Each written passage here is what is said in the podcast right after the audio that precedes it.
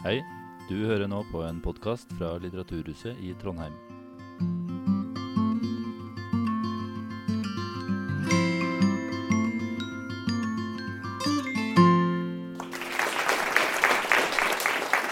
Hei og velkommen hit til debatt i P2 og Stokmanndagene her på Diggs i Trondheim. Denne festivalen den arrangeres av Litteraturhuset i Trondheim og Eventselskapet.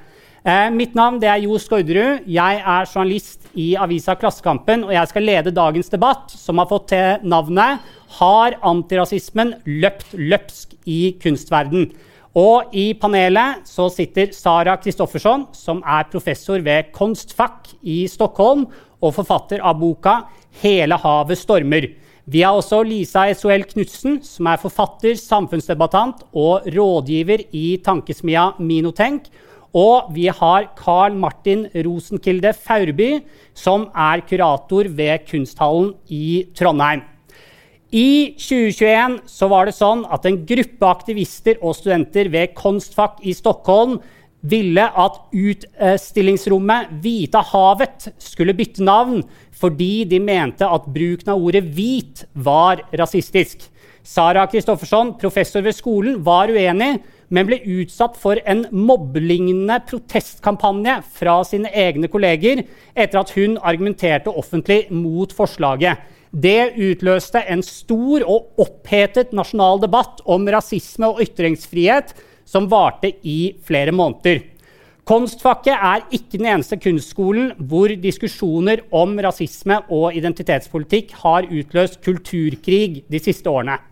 I 2020 så gikk rektor ved Kunsthøgskolen i Oslo A etter en opphetet eh, debatt hvor flere studenter og ansatte følte at ledelsen støttet antirasistisk indoktrinering. Samme år i København så kastet og ødela en gruppe som kalte seg Anonyme billedkunstnere, en byste av kong Fredrik 5. i vannet for å sette fokus på Danmarks kolonialistiske fortid og konsekvensene det hadde for minoritetsstudenter ved akademiet. Statuekasterne ble ledet av en instituttleder ved akademiet. Det ble baluba og opphetet debatt. Så altså Både i Norge, i Sverige og i Danmark så har vi sett hissige debatter om antirasisme ved kunstinstitusjonene. Og jeg vil spørre panelet mitt hvorfor er det akkurat ved kunstinstitusjonene at det her skjer? Sara, vi kan starte med deg. Eh, jeg tror at eh, denne typen av identitetspolitikk har blivit sterkere på just eh, kunsthøgskoler. Sen så tror jeg også at det er en trend i konstvärlden når det gjelder samtidskonst, at man skal syssla med speciellt eh, vissa frågor, någon sorts rättvisefrågor. Eh, vad man däremot, just i mitt fall, vad man många gånger glömmer bort, tycker jag, Eh, det är till exempel, vad tog klass vägen? Alltså, eh, det är liksom just vissa frågor som man gärna lyfter fram, men inte andra. Sen, ja. Lisa, hva tenker du? Hvorfor er det akkurat kunstinstitusjonene? Um, jo, altså uh, Jeg vil først kanskje kommentere litt på, på det Sara nettopp sa med klasse. Uh, fordi jeg har selv skrevet en god del om identitetspolitikk. Uh, og, og, det er jo en kritikk som man ofte får da, hvis man er uh, kanskje, ja, antirasist. Uh, ja, men hva med klasse? Det er jo viktig. Det er faktisk, får man gjerne høre. og der er jeg helt enig i at klasse er veldig viktig å, å snakke om. Og vi kunne helt sikkert snakket enda mer om det. og også på en måte hvordan ja, etnisitet, hudfarge og klasse og seksuell um, orienta, ori, uh, seksuell uh, legning passer inn. Men, men altså bare et eksempel. da. Klasse er, i hvert fall for min egen del, noe som man kan du kan komme fra arbeiderklassen og jobbe deg opp til middelklassen. Selvfølgelig har man alltid det utgangspunktet. Men når man er eh, måtte, svart, har en, uh, har en bakgrunn uh, som, som eh, minoritet, så er det noe som bærer med deg hele livet. Eh, du kan på en måte ikke jobbe deg ut av altså, Du kan jobbe deg ut av klasse, mm. eh, men, eh, men, ikke nødvendigvis hudfarge. da. Jeg, vil bare høre mm. Carl, uh, før jeg slipper til Sara. Carl, hva tenker du, hvorfor er det, har kunstskolene blitt et sånn sentra for sånne kamper om antirasisme og det mange kaller identitetspolitikk? Nei, jeg mener jo nok i likhet med Sara at uh, det handler veldig mye om at det her er uh, noe som man er veldig opptatt i kunstverden. Uh, jeg tror rett og slett også at studentene de bærer preg av arbeidsplassen som de skal ut i etterpå.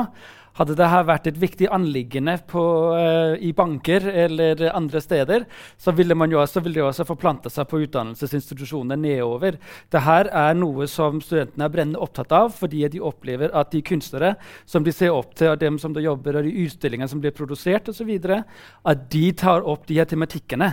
Så da er spørsmålet kanskje også hvorfor er det at man er så opptatt av det her i kunsten. Og det er jo heldigvis sånn at det ikke bare er i kunsten, men det er jo absolutt uh, et sted hvor at, uh, kunsten har uh, eh, oppdaga sin besøkelsestid. Uh, akkurat som på 70-tallet var kunsten superinvolvert i, i, de bevegelsene som heller ikke ble sett som verken rasjonelle eller fornuftige eller rimelige på det tidspunktet, mange av de bevegelsene der. Um, i København, samme sted hvor denne skulpturen ble kasta i. Da var det kvinner som laget Kanonklubben. Uh, de, jo, uh, de, ble jo kasta ut av uh, Kunstakademiet på det tidspunkt for å ha feministiske kunstprosjekter på Kunstakademiet. Så rett og slett så, så, tror jeg det er det det handler om, og det uh, syns jeg er fantastisk. Nej, men jag tänker bara på det här med klass. Jag tror så här, alla högskolor har... Att, jobba med mångfald är naturligtvis jättebökigt och svårt. Um, men jag tror faktiskt att åtminstone när det gäller konstfack så tror jag att man får leta efter en mindre... Alltså det finns, jag tror att det finns en mycket högre medvetenhet om rasism där än på många andra ställen och många andra arbetsplatser. Men också när det gäller klass så är det så där att om man tittar på fakta, på statistiken, det vill säga vad är det för studenter som går på Konstfack? Eh, då är det framför allt eh, barn som är uppvuxna med akademikerföräldrar. Det är studenter som är från Stockholm, storstad. Eh, och det, om det är några som är verkligen i minoritet så är det arbetarklasskillar från landsbygden. Då kan man ställa sig frågan så här, okej, okay, vi ska jobba med breddad rekrytering. Ska vi följa den här ideologiska föreställningarna att Konstfack är genomsyrat av rasism och jobba liksom med den breddade rekryteringen? Eller ska vi jobba med den verkliga, eh, vad statistiken säger? Vilken karta ska vi välja här? Vi velger den ideologiske. Mm.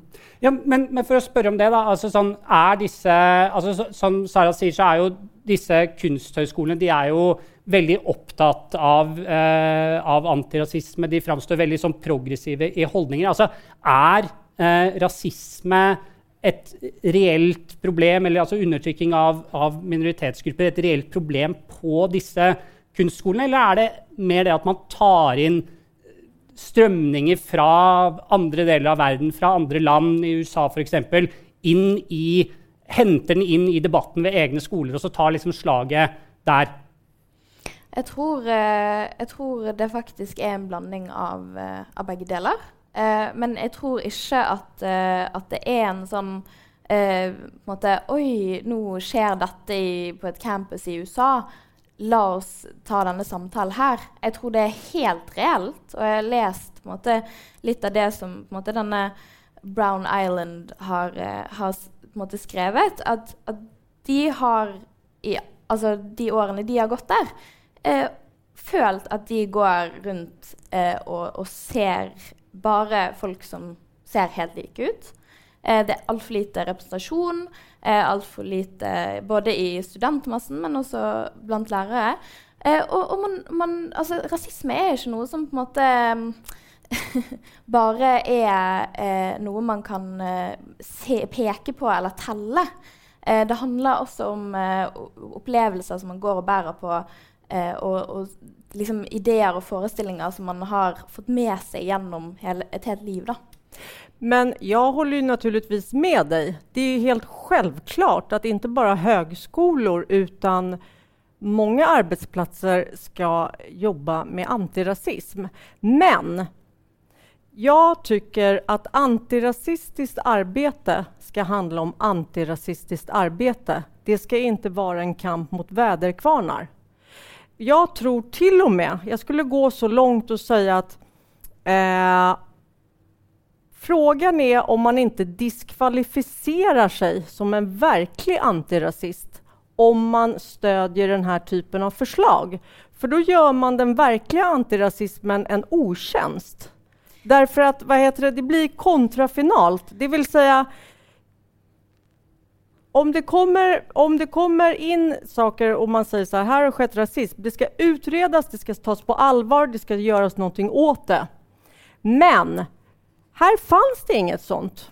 Och då blir det, då, då gör man då gör man det antirasistiska arbetet en otjänst.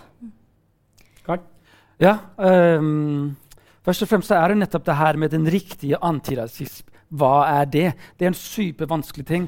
Og jeg synes generelt i denne debatten det er så mange problemer omkring det her med f.eks. antirasismedebatten som om den er en form, som om den er én ting. Vi snakker veldig ofte om de veldig store former som er veldig uhåndgripelige, egentlig, og ganske sånn abstrakte former. Um, så det her med nettopp sånn, hvordan praktiserer man den på ordentlig? Uh, det jeg også vil si, det er at Altså det, er det, er, det, er, det, er, vanskelig og det, er problematisk, kanskje også å si. Men det, men det, det her med um, I forhold til kunstinstitusjonene handler det jo også om som du kanskje var litt inne på, men vi skal jo huske på at de studentene tar jo med seg erfaringer inn på skolen. Og jeg har aldri jobbet på en, på en kunstutdanning, så jeg vet ikke. Men eh, jeg antar at det her handler jo nettopp om erfaringer som man tar med seg utenfra. Og så handler det om å prøve å gjøre en forskjell der hvor man er. Og det som jeg opplevde eh, når jeg leste de her uh, uh, hva skal man si, tekstene for Brown Island osv., og, så videre, og ikke minst sånn motsvaret det er jo liksom sånn, Første linjen står det jo Vi vet det her ikke handler om at hvit er en rasistisk ladet ferg. Det, øh, det, sier det jo helt tydelig, og jeg syns det blir misrepresentert i mange sammenhenger. Det er klart det handler mye om følelser, det her, og jeg skjønner at man opponerer mot nettopp den her med ja, man skal en følelse få lov til å bestemme noe veldig viktig. Men min anke i det her det er at følelser er utrolig viktige, og 90% av det vi faktisk snakker om, er egentlig følelser. og Problemet er, er at vi, uh, vi, prøver å late som om at vi nettopp er rasjonelle. og det handler om rasjonalitet. Men faktum er at det er det ikke. i hvert fall ikke fra mitt perspektiv. Og det tror jeg også er en forklaring på hvorfor at vi opplever igjen og igjen at debatten liksom går av sporet, at ting blir veldig rare, at ting blir uforståelige osv. Men ja, jeg, det forstår jeg, og det er jeg helt på det klare med. Att, att, att man kan upp, den upplevelsen, så att säga. Och, den, det, och det, det är frågor som man ska arbeta med. Men blir man av med en eventuell rasism genom att byta det där namnet?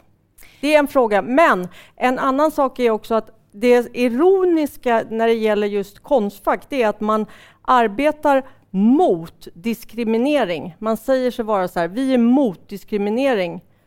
Men man går til veie på et utrolig diskriminerende sett, det vill säga exkludering, av, just i det här fallet, av meg. Blir du diskriminert i forhold til ja, men altså, jeg, blir ju, det, det, blir ju, det blir en konstig metod at eh, om man, man sier seg være mot diskriminering, sen går... Man behøver jo bare gå til hvilket daghem som helst og spørre et gjeng femåringer så här, skal flera gå imot mot en? Nej, kommer de svara då. Eh, men när det gäller det här med upplevelser, det är ju bökigt, men om upplevelser och tolkningar helt och hållet får styra, då öppnar man ju dörren till öppnar man ju slussarna till väldigt mycket på ett rent principiellt plan. För då kan man ju gå runt och säga så här, byt det, ändra det, ta bort det, för min upplevelse säger det. Och många gånger så klart att så här, känslor av kränkthet, ja det ska man ta på allvar, men det måste också finnas något konkret också. Eh, därför att alla tolkningar är inte rimliga. Eh, alltså, da er det sånn at eh, du lytter til debatten i P2, og dagens tema er altså har antirasismen løpt løpsk i kunstverden. Eh, Lisa, hva, hva, tenker du? Mange tanker. Eh, og jeg regner med at vi kommer litt inn på den norske konteksten etter hvert. Men eh, det, som, eh, det, som, ofte Altså det som skjer i, ofte i disse debattene, da, og som er en grunn til at jeg alltid, når jeg ser noe eh, som virker for meg helt absurd, som jo det med ville endre navn eh, Ville ta bort hvit fordi eh, det var rasistisk. Så må jeg gå inn og grave litt. Og det Altså, det, min oppfatning er jo at denne aktivistgruppen eh, At dette var en symbolsk navneendring for å løfte et spørsmål om hva fins det av rasisme og diskriminering? Hvordan er representasjonen her? Kan vi ha en samtale om liksom, alle disse strukturene som vi bruker mye tid i offentligheten å snakke om? Eh, sånn at, og, og, det er liksom jeg tenker, Det har vi sett veldig mange eh, eksempler på i Norge også, og vil gjerne også komme inn på det etter hvert. Men, men, det som kanskje kan være litt vanskelig for, for folk som står utafor disse debattene, er jo at her virker det som om alle for er enige om at dette, dette hvite havet, denne kunsthallen At alle er egentlig, også Brown Island, altså denne aktivistgruppen som har reagert på navnet, egentlig er enige om at Hvite havet er ikke eh, i seg selv egentlig rasistisk. Og at det var aldri det, altså det var ikke rasisme som gjorde at det fikk det navnet. Og da lurer jeg på altså, Gagner det da på en måte antirasismen at man angriper noe som alle er enige om ikke er rasistisk? Men det er jo et uh, Altså, dette var jo en del av på en, måte, en, en større rekke av tiltak. Som, som kun, altså en symbolsk eh, handling. Som, og det er jo på en måte liksom det, Vi vet alle at vi kan Eh, vi, vi, tar noe som eh, kan være ja, kanskje provoserende, og, og, så gjør vi det for å få liksom, en, en, symbolsk Men altså, ja, jeg eh, jag skulle säga så här att eh, på tal om det här som ni tog upp tidigare, om det här är importerat från USA och så vidare. Jag skulle ha mycket lättare att förstå om det fanns den minsta, minsta, minsta koppling till rasism. För att uttrycka mig lite brutalt. Det är ungefär som att man så här, eh, eh, Det fanns ingen staty att riva. Man tager vad man haver. Och då fanns det det här namnet. Det hade ingenting med rasism att göra. Men det blev, och på så sätt så kan man se att, det, att den här typen av idéer, man ville så gärna tillämpa det och så fick man ta Vita havet som har en helt fläckfri historia. Helt fläckfri historia. Mm. Och det är då jag menar att man gör själva Alltså det här det antirasistiska arbetet som jag vet är komplext, men man gör en otjänst så att säga. Därför att det blir så parodiskt. Mm. Men da stiller jeg litt spørsmål med liksom, hvor er måte, majoritetens vilje til å på måte, kanskje tolke det som en symbolsk handling? Mm. Til å kanskje prøve å forstå hvorfor eh, liksom, mm. det hvite rommet eller det hvite havet kan eh, i noen sammenhenger i et veldig hvitt rom eh, på en måte bli Men da åpner du slussene slussarna mye mycket som har, inkluderar ordet vit, så att säga. Ja, men nå snakker eh, vi om denne ja. spesifikke Hva sa Nå snakker vi om en spesifikk mm. Men jeg vil nog hevde at så här, det faktiska sakförhållandet är att det ha, har ingenting med rasism att göra. Och då kommer man också in på det här med så här, i alla tolkningar eh, rimlig eller inte. Det vill säga så här, eh, om jag upplever, om tolkar någonting och det är en extrem form av postmodernism som säger att så här, ja, om någon tolkar det så, så är det så. Jag håller inte med om det. Eh, därför att då hamnar man i väldigt farliga, eh, då hamnar man i så alternativa faktaresonemang. Det vill säga Donald Trump tolkar det som att han har flest människor som ser hans installationstal. Det är alternativa fakta. Vi måste kunna enas om så här, att det finns fakta. Karl? Om det er som du sier, eh, peker jeg på, på moderator, um, at det virket jo som at de fleste var enige om at det var ikke noe latent i ordet 'hvit' som egentlig var ment som rasistisk. Men likevel var, skulle man ha bort det. Men, men likevel skulle man ha bort det. Uh, og det var liksom sånn som jeg så det, en fundering, en refleksjon. Sånn som jeg i hvert fall avkoda den debatten, eller den samtalen, diskusjonen, hva man skal kalle den, det er jo at uh, det ble liksom uh, foreslått nå Det var noen kunststudenter som jeg syns på Veldig fint, egentlig.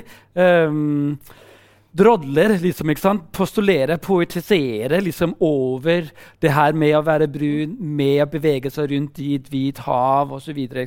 De leser liksom på veldig poetisk vis og veldig sånn flytende vis leser de liksom ting inn i både den hvite kuben osv. Ting som ikke er spesielt konkrete. kan man si, mm. Og som du selv sier.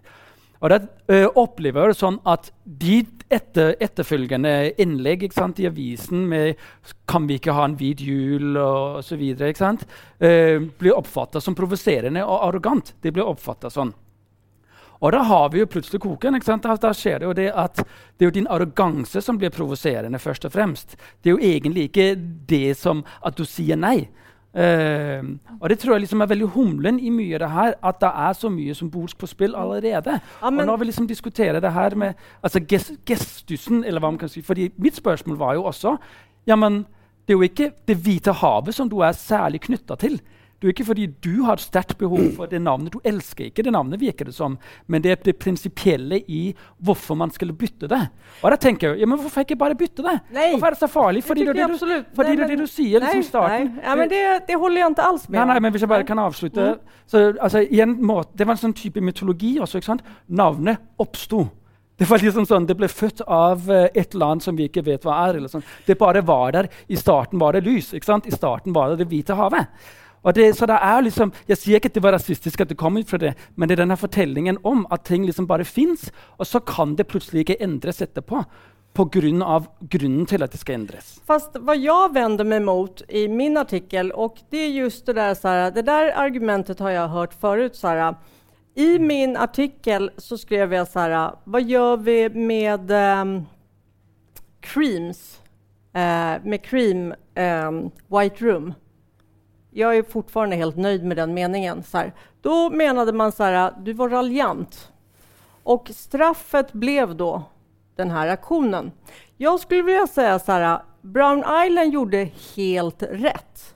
Studenter, det ingår i studenternas roll på konsthögskolor att man ska komma med förslag, Eh, och de kan till och med vara stolliga förslag. Det, ingår, det är det som är att vara student. Och jag tycker att det var bra att Brown Island kom med sitt förslag.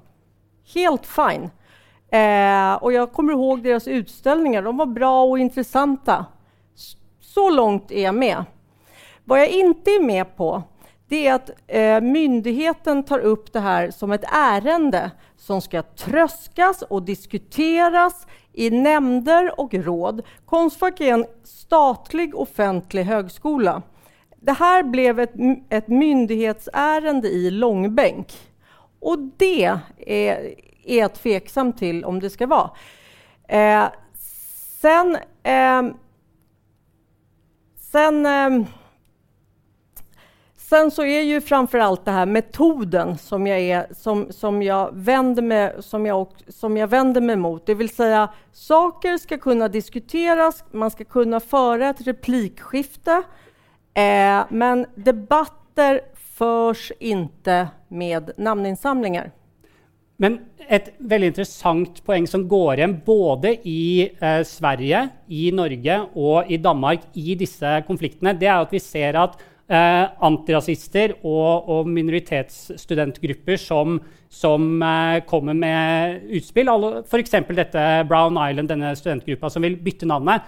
At eh, de er i veldig stor grad eh, heiet fram og møter enorm forståelse hos eh, ledelsen, som altså sånn, plukker opp dette her og vil ta det inn i videre arbeid. Og sånt. Og det jeg lurer litt på da, er det, er det sånn at er egentlig på disse kunsthøgskolene, som er, uh, har en veldig sånn progressiv eh, selvidentitet og er veldig sånn antirasistiske i sjelen, sånn, er egentlig minoritetsgruppene en, uh, en undertrykt uh, gruppe på disse skolene? Eller er det nesten litt sånn at maktstrukturen er, er, snudd om? Altså at det er antirasistene og minoritetene som har makta, og de, de, som sier sånn Nei, jeg vil ikke bytte det navnet, eller vet du hva, jeg vil faktisk ikke ha den der skoleringen i, i eh, antirasisme som var en greie i, ved Kunsthøgskolen i Oslo. At det er de som er eh, ja, minoriteten. da. Lise? Ja, eh, jeg, vil, jeg, vil, jo først og fremst kanskje utfordre den med, med at, uh, at de, de, her institusjonene har i sin ånd uh, alltid vært antirasist, uh, antirasister. Um, jeg tenker at etter spesielt da, kanskje 2020, sommeren 2020, så fikk mange en sånn oppvåkning og, og, var Ja, jeg tror mange i, som jobber i skoleledelse Um, våknet litt opp og tenkte at oi, vi har faktisk ikke hørt på våre elever eh, godt nok. Eh, våre studenter godt nok. Eh, og eh, at det er veldig lite representasjon i eh, liksom, Hvis man går litt lenger opp i, i, i måte, ledergruppene, da. Um, og for det andre så, så vil jeg også uh, påpeke det at uh, f.eks. denne KIO-saken, da, uh, som jo er den norske ja, Kunsthøgskolen i Oslo. Ja. i Oslo. Saken, uh, det som ikke kom godt nok fram, eller kom fram i det hele tatt i den debatten, var jo nettopp det at de, den gruppen studenter som sendte dette brevet uh, rundt til både andre studenter og til personalet, de tok jo utgangspunkt i den plattformen som rektoren, som da etter hvert gikk av, eh, hadde gått til eh, valg på. Altså, så han ble valgt på nettopp eh, å skulle gjøre bedre, eh, en bedre jobb når det kom til mangfold, mer antirasisme, eh, alle disse tingene. Eh, men det ble ikke reagert på før denne gruppen studenter tok det opp og tok han faktisk på ordet. da. Så det var jo også derfor at, han, at de fikk støtte fra han, fordi de brukte han som inspirasjon. Ja, jeg vil si at Det heller ikke er en solskinnshistorie. Altså, den Professoren som slengte den skulpturen i vannet, fikk jo sparken. Eh, ikke sant? Eh, samtidig med at eh, rektoren på, på KIO endte jo med å gå. Eh, fordi at det ble for mye hva Skal man si, skal vi kalle det beluba? eller debatten ble, Men eh, man kan jo også kalle det motstand, rett og slett, hvis vi skal, hvis vi skal se på makt. Eh, så har vi en rektor som ender med faktisk å gå fordi at ja, det blir for mye. rett og slett. Så Det syns jeg er viktig å liksom ha med. Og nå har jeg også bare liksom lest litt om hva din arbeidsplass liksom har skrevet om denne saken. De har jo det virker som det er, det er liksom en hel side dedikert til, uh, til dokumentasjonen. Den er veldig uh, Den er veldig, uh, den er veldig um, der På den siden så har man um, Der har man valgt Den er vinklad. Ja. Den er vinklet, Klart vinklad. Ja. ja. Men, men uh, ja. Ja, ja, jeg vil i hvert fall bare si at det, det er ikke nødvendigvis en solskinnshistorie, men, eh, men, men, eh, det er jo absolutt Jeg tror det som du sier, er superinteressant fordi det nettopp spiller inn i noe helt sentralt også. Opplevelsen av motstand. Og det tror jeg Opplevelsen av motstand fra begge Skal vi kalle det sider? I denne saken er det forhåpentlig mange sider. Men uh, Det syns jeg vi skal snakke mye om. Men jeg, jeg tror det er vel videre. Men, men, men, la meg bare følge litt videre på det spørsmålet. Her. Fordi En ting som er uh, interessant når du sant, på Konstfakket du, du skriver jo denne, denne artikkelen i en avis hvor du er spaltist, og 44 av kollegene dine et, et, uh, altså underskriver et brev hvor de kommer med ganske knallhard kritikk av deg. for å og, og de skal liksom vise den strukturelle rasismen i dette hvite havet. og sånt. noe. Men utafor skolen da får du vel egentlig ganske mye støtte. Altså i kommentariatet, hvis vi kan kalle det altså i de andre avisene, eh, i kommentarfeltene, der får du vel ganske mye støtte fra andre. Jeg så i hvert fall fra den KIO-konflikten i, i, Norge. Jeg vet ikke hvordan det var i Danmark, men der var det i hvert fall mange utafor KIO eh, som var veldig sure på disse studentene og veldig sure på denne rektoren. Så er det ikke en slags sånn dobbelthet her. Altså, du, får, du, får, mye tyn internt på skolen, men du får stor støtte utenfra. Altså, tenker du noe man må, Men man må komme ihåg det der, og det er, er, er noe å komme ihåg. Så her. Det var ingen studenter som gjorde det her uh, mm. oppropet. Det var lærere. Ja. Student, de gjorde, skulle jeg vilja påstå, de här lärarna gjorde Brown Island en riktig otjänst. Mm. Eh, skulle jag vilja... Så är det ju faktiskt. Mm. Men, men eh, Eh, det här med att, med att minoritet, eller inte minoriteten, men att, med att den här typen förslag får sånt eh, svar från ledningar. I, I, Sverige så finns det en, en, journalist som heter Kai Glans som har ett exempel som man brukar kalla för Lidl-paradoxen. Jag vet inte om Lidl finns i Norge? Vi, vi har inte Lidl, men, eh, men, vi vet vad Lidl okay. är för något. Lidl, är, Lidl är en lågpriskedja. Ja.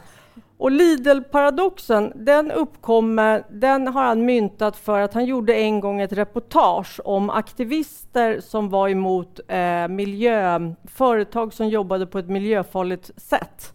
Och så frågade han dem så här, varför går ni på Coop, som är kooperationen, socialt, och inte Lidl, som är värsta miljöbovarna? De bara, Lidl, det är ingen idé. De lyssnar inte. Coop lyssnar. Och det är det här som är poängen med många ledningar idag, Sara. De, de lyssnar för mycket och lägger sig liksom platt många gånger. Ja, eh, jeg ville bare liksom gå tilbake til det du, du spurte om. For det i det du sa, så føler jeg det ligger veldig sånn eh, Det ligger noe utenfor her, da. Eh, og det er jo den der kulturkrigen som vi befinner oss i. Eh, og når på en måte Altså en forklaring på hvorfor man får da støtte eh, fra liksom noen, og så får man eh, Ja. I hvert fall i Norge eh, så handlet det veldig mye om disse her eh, anti-woke eller woke-fløyen. Altså hvilke fløy eh, tilhører du, på en måte. da. Og det ser vi i hele Skandinavia. At på en måte Ja, høyresiden ytre høyre spesielt hopper på sånne saker eh, og bruker det for alt det er verdt. Eh, og det, det, er noe som, som eh, er et veldig stort problem.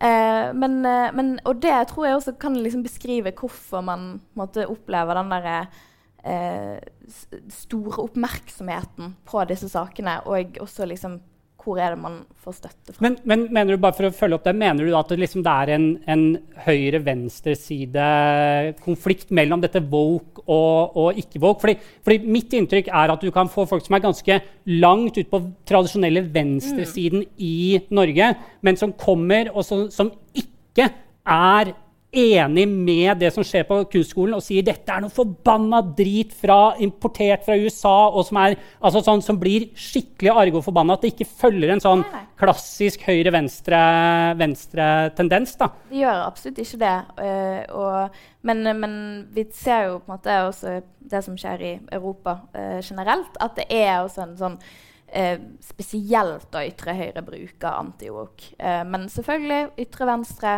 også veldig på det. Men det opplevde jeg også i denne debatten som jeg syntes var veldig utrygt. Det her ansåg jeg hadde med en, en sakfråga å gjøre. Det har ikke med høyre og venstre å gjøre. Men det som hendte, opplevde jeg på Konstfack, det er at jeg helt plutselig ble liksom brunmålad. Mm. Otroligt, alltså brunbajsa? Som ja, är, alltså höger eh, och till saken hör ju att jag är uppvuxen i en så här mycket progressiv vänsterfamilj. Men det har inte med saken att göra, så att säga, eh, vad jag är uppvuxen eller var jag kommer ifrån. Det här är ingen höger eller vänsterfråga. Men det var ju också ett sätt för många av lärarna på Konstfack att på något sätt smutskasta mig.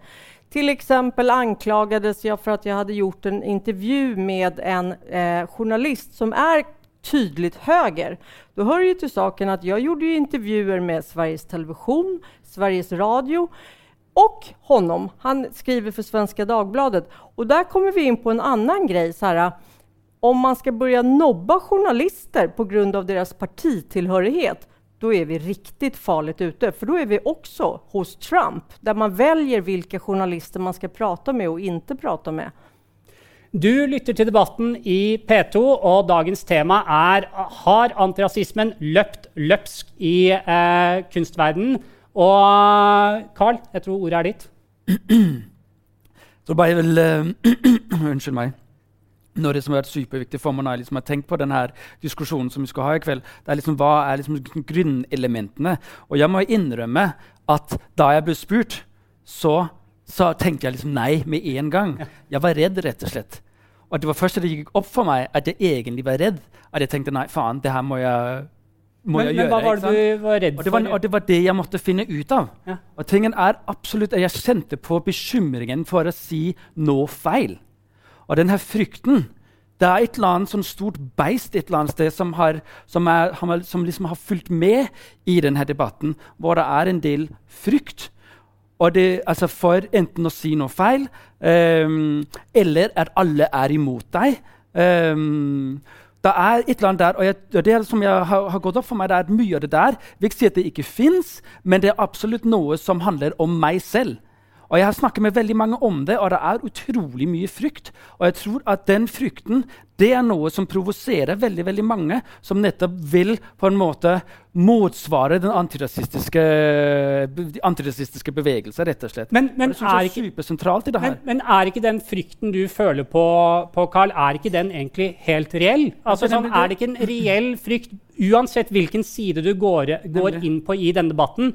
Altså Om du er Sara som sier tydelig fra om at sånn, dette hvite rommet er ikke rasistisk, så får hun mye tyn. Går du inn på den andre sida, så kan du få skikkelig mye tyn Kan der også. Det er rett og slett liksom å gå inn i disse debattene er sånn hvis du har lyst til å sove om natta, så er det best å bli hjemme. Altså, Er ikke det helt reelt? Jeg vil bare ha lov til å avslutte det jeg skulle si, nemlig fordi at uh, det er absolutt noe reelt i det her. Og jeg er veldig lei meg for det som, som, som du har blitt utsatt for. Jeg kan jo tenke også i mitt stille sinn, jeg var jo ikke der, men var det liksom dine synspunkter som det ble skrevet uh, imot uh, av lærerne, eller var det personlige deg?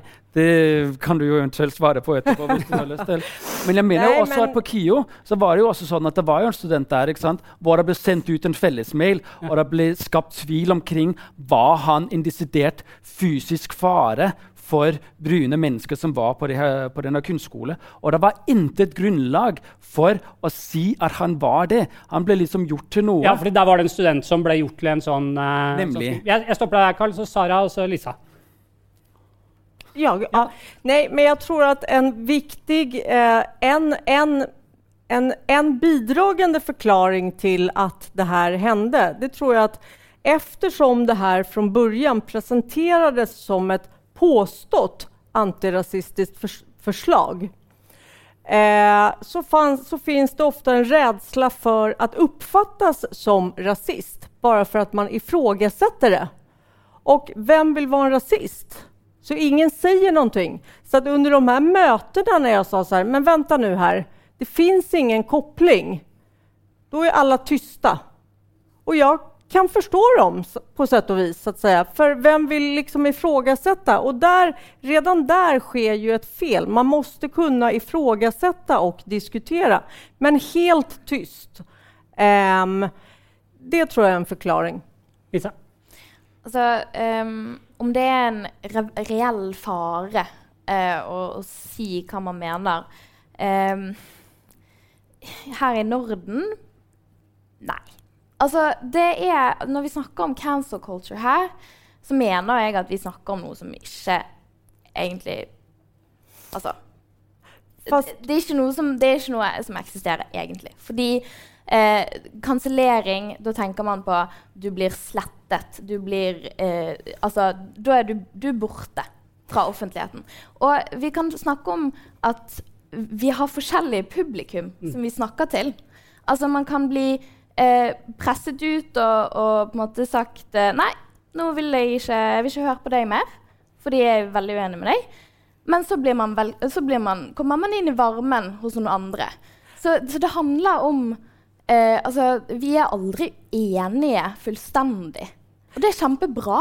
Vi er aldri enige om eh, hva som er rett. Eh, vi bare har veldig forskjellig publikum.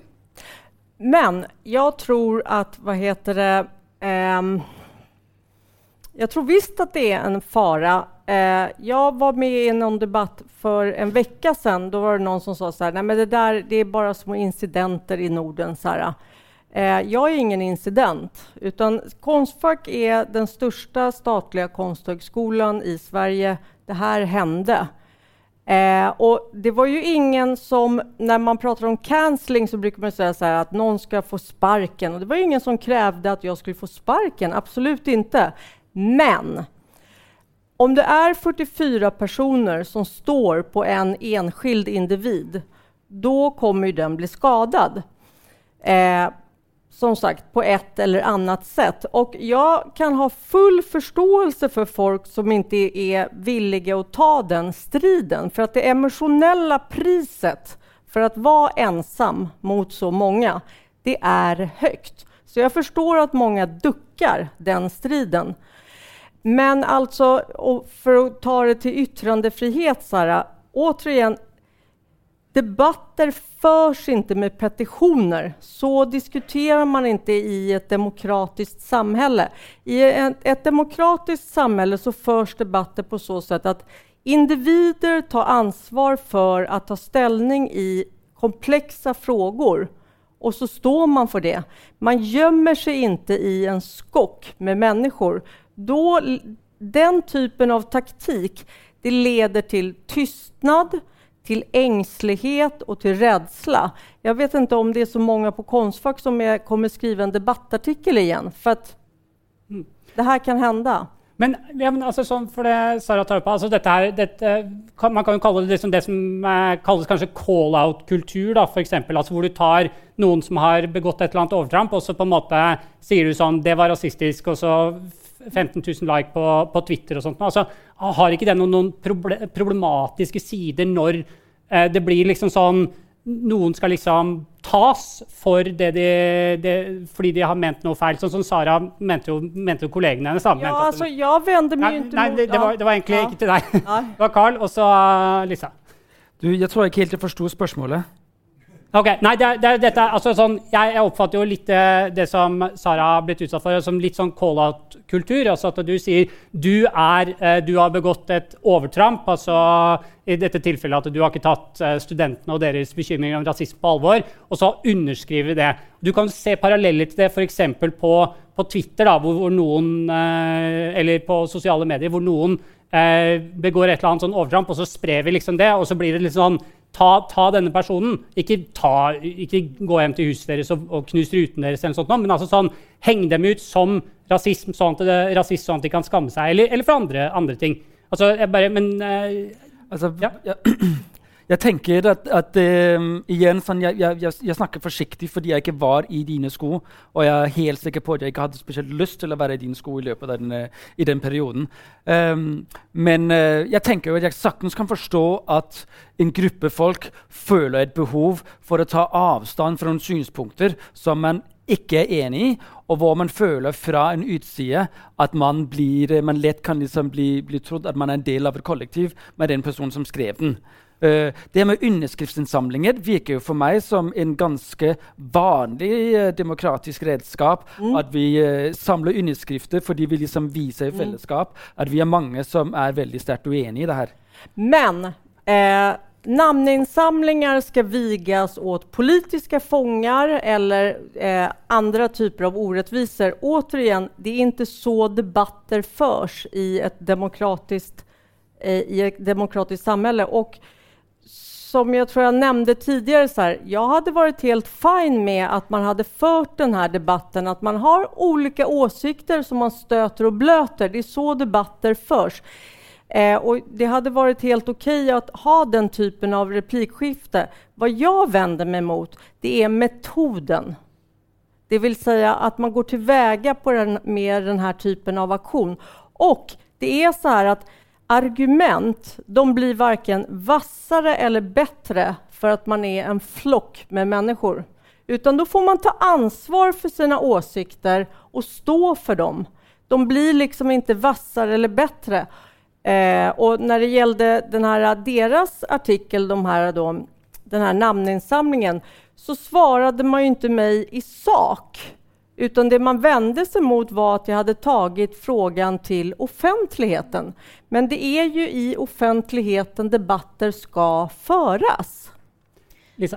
Eh, men så da lurer jeg litt på sånn Tror du ikke at denne gruppen, da, Brown Island, kanskje så på Oi, her er en professor men de var helt oskyldiga. Alltså Brown Island var inte inblandade i den här namninsamlingen. Jo, nei, men jeg tenker, jeg tenker, at kanskje andre så også at de følte at de måtte stø altså, støtte Nei, jeg tror at deres åsikter. Ja. Fordi at eh, du, du, er tross alt en professor som har en spalte i denne avisen som går offentlig ut med eh, og går imot da, eh, disse forslagene. Sånn at det er jo også en, en forskjell i makt her. Mm. Eh, og ikke at jeg sier at det var, det var greit at dine kolleger Nå er det jo så her med dagstidninger at de fungerer ikke som sociala medier, at man bare postar noe. Man har ikke den makten. Jeg kan ikke skrive til Dagens Nyheter og bare publisere det här. Det går igenom redaktörer. Det finns også et skäl til at jeg skriver i Dagens Nyheter. Det är ju för att jag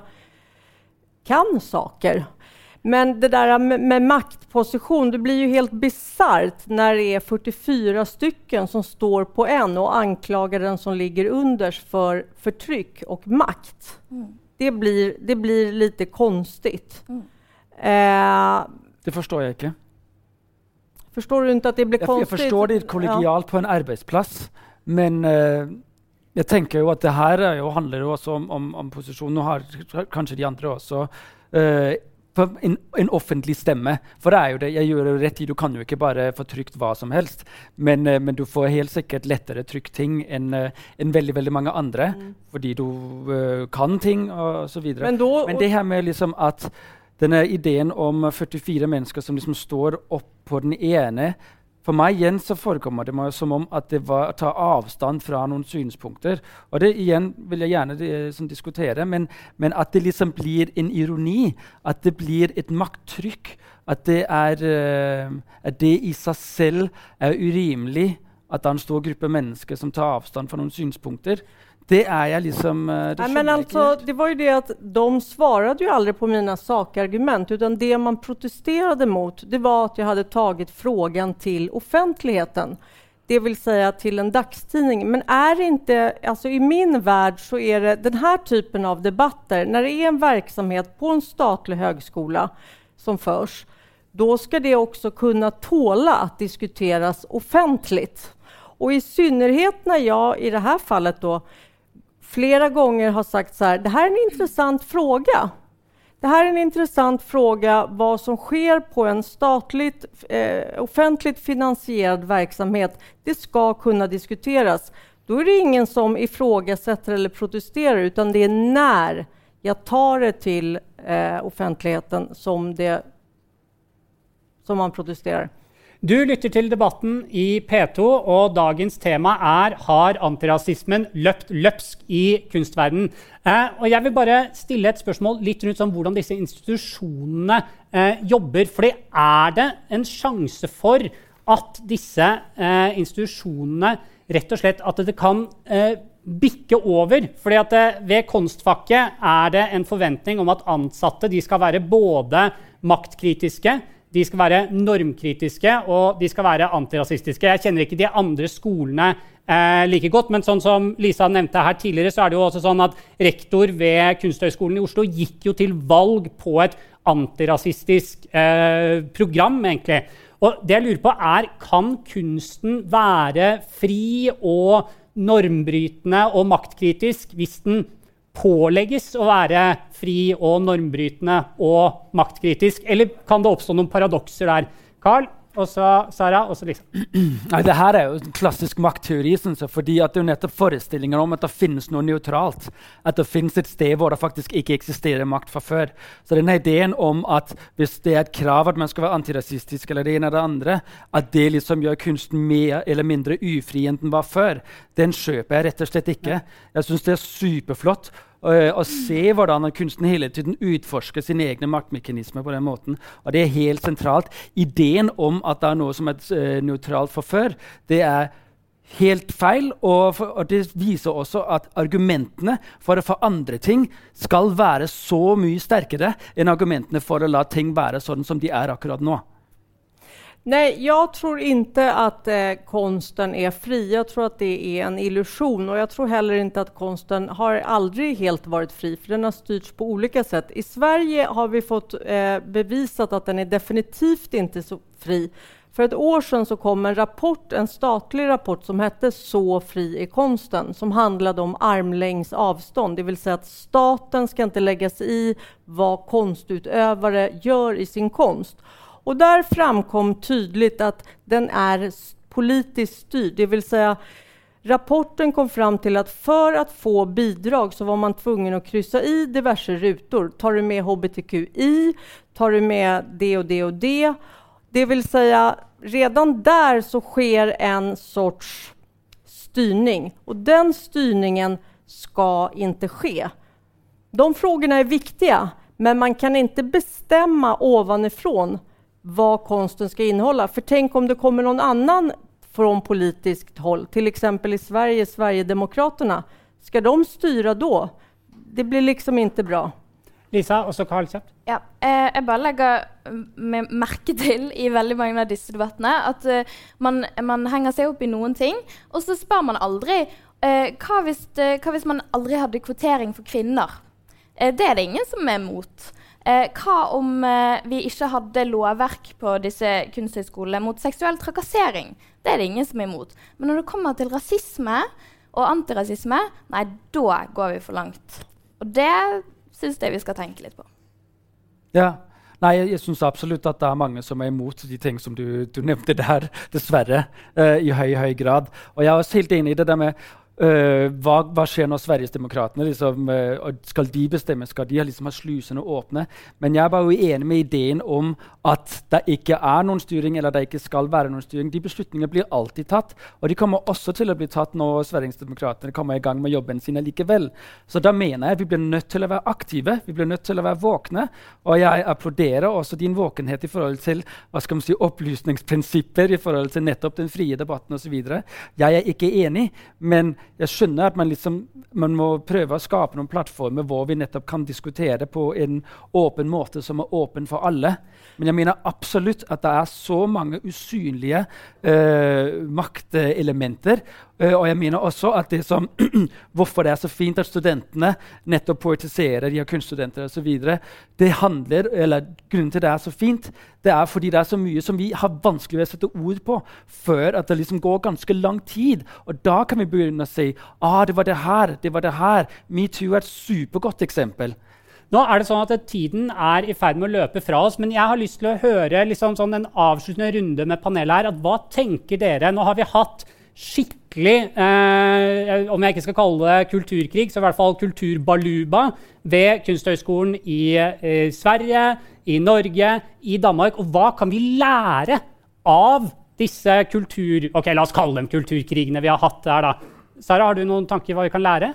Nej, alltså, jag hoppas ju att man kan lära sig av min bok om hur det inte går till när man hur man diskuterar i en offentlig debatt och hur man inte går tillväga.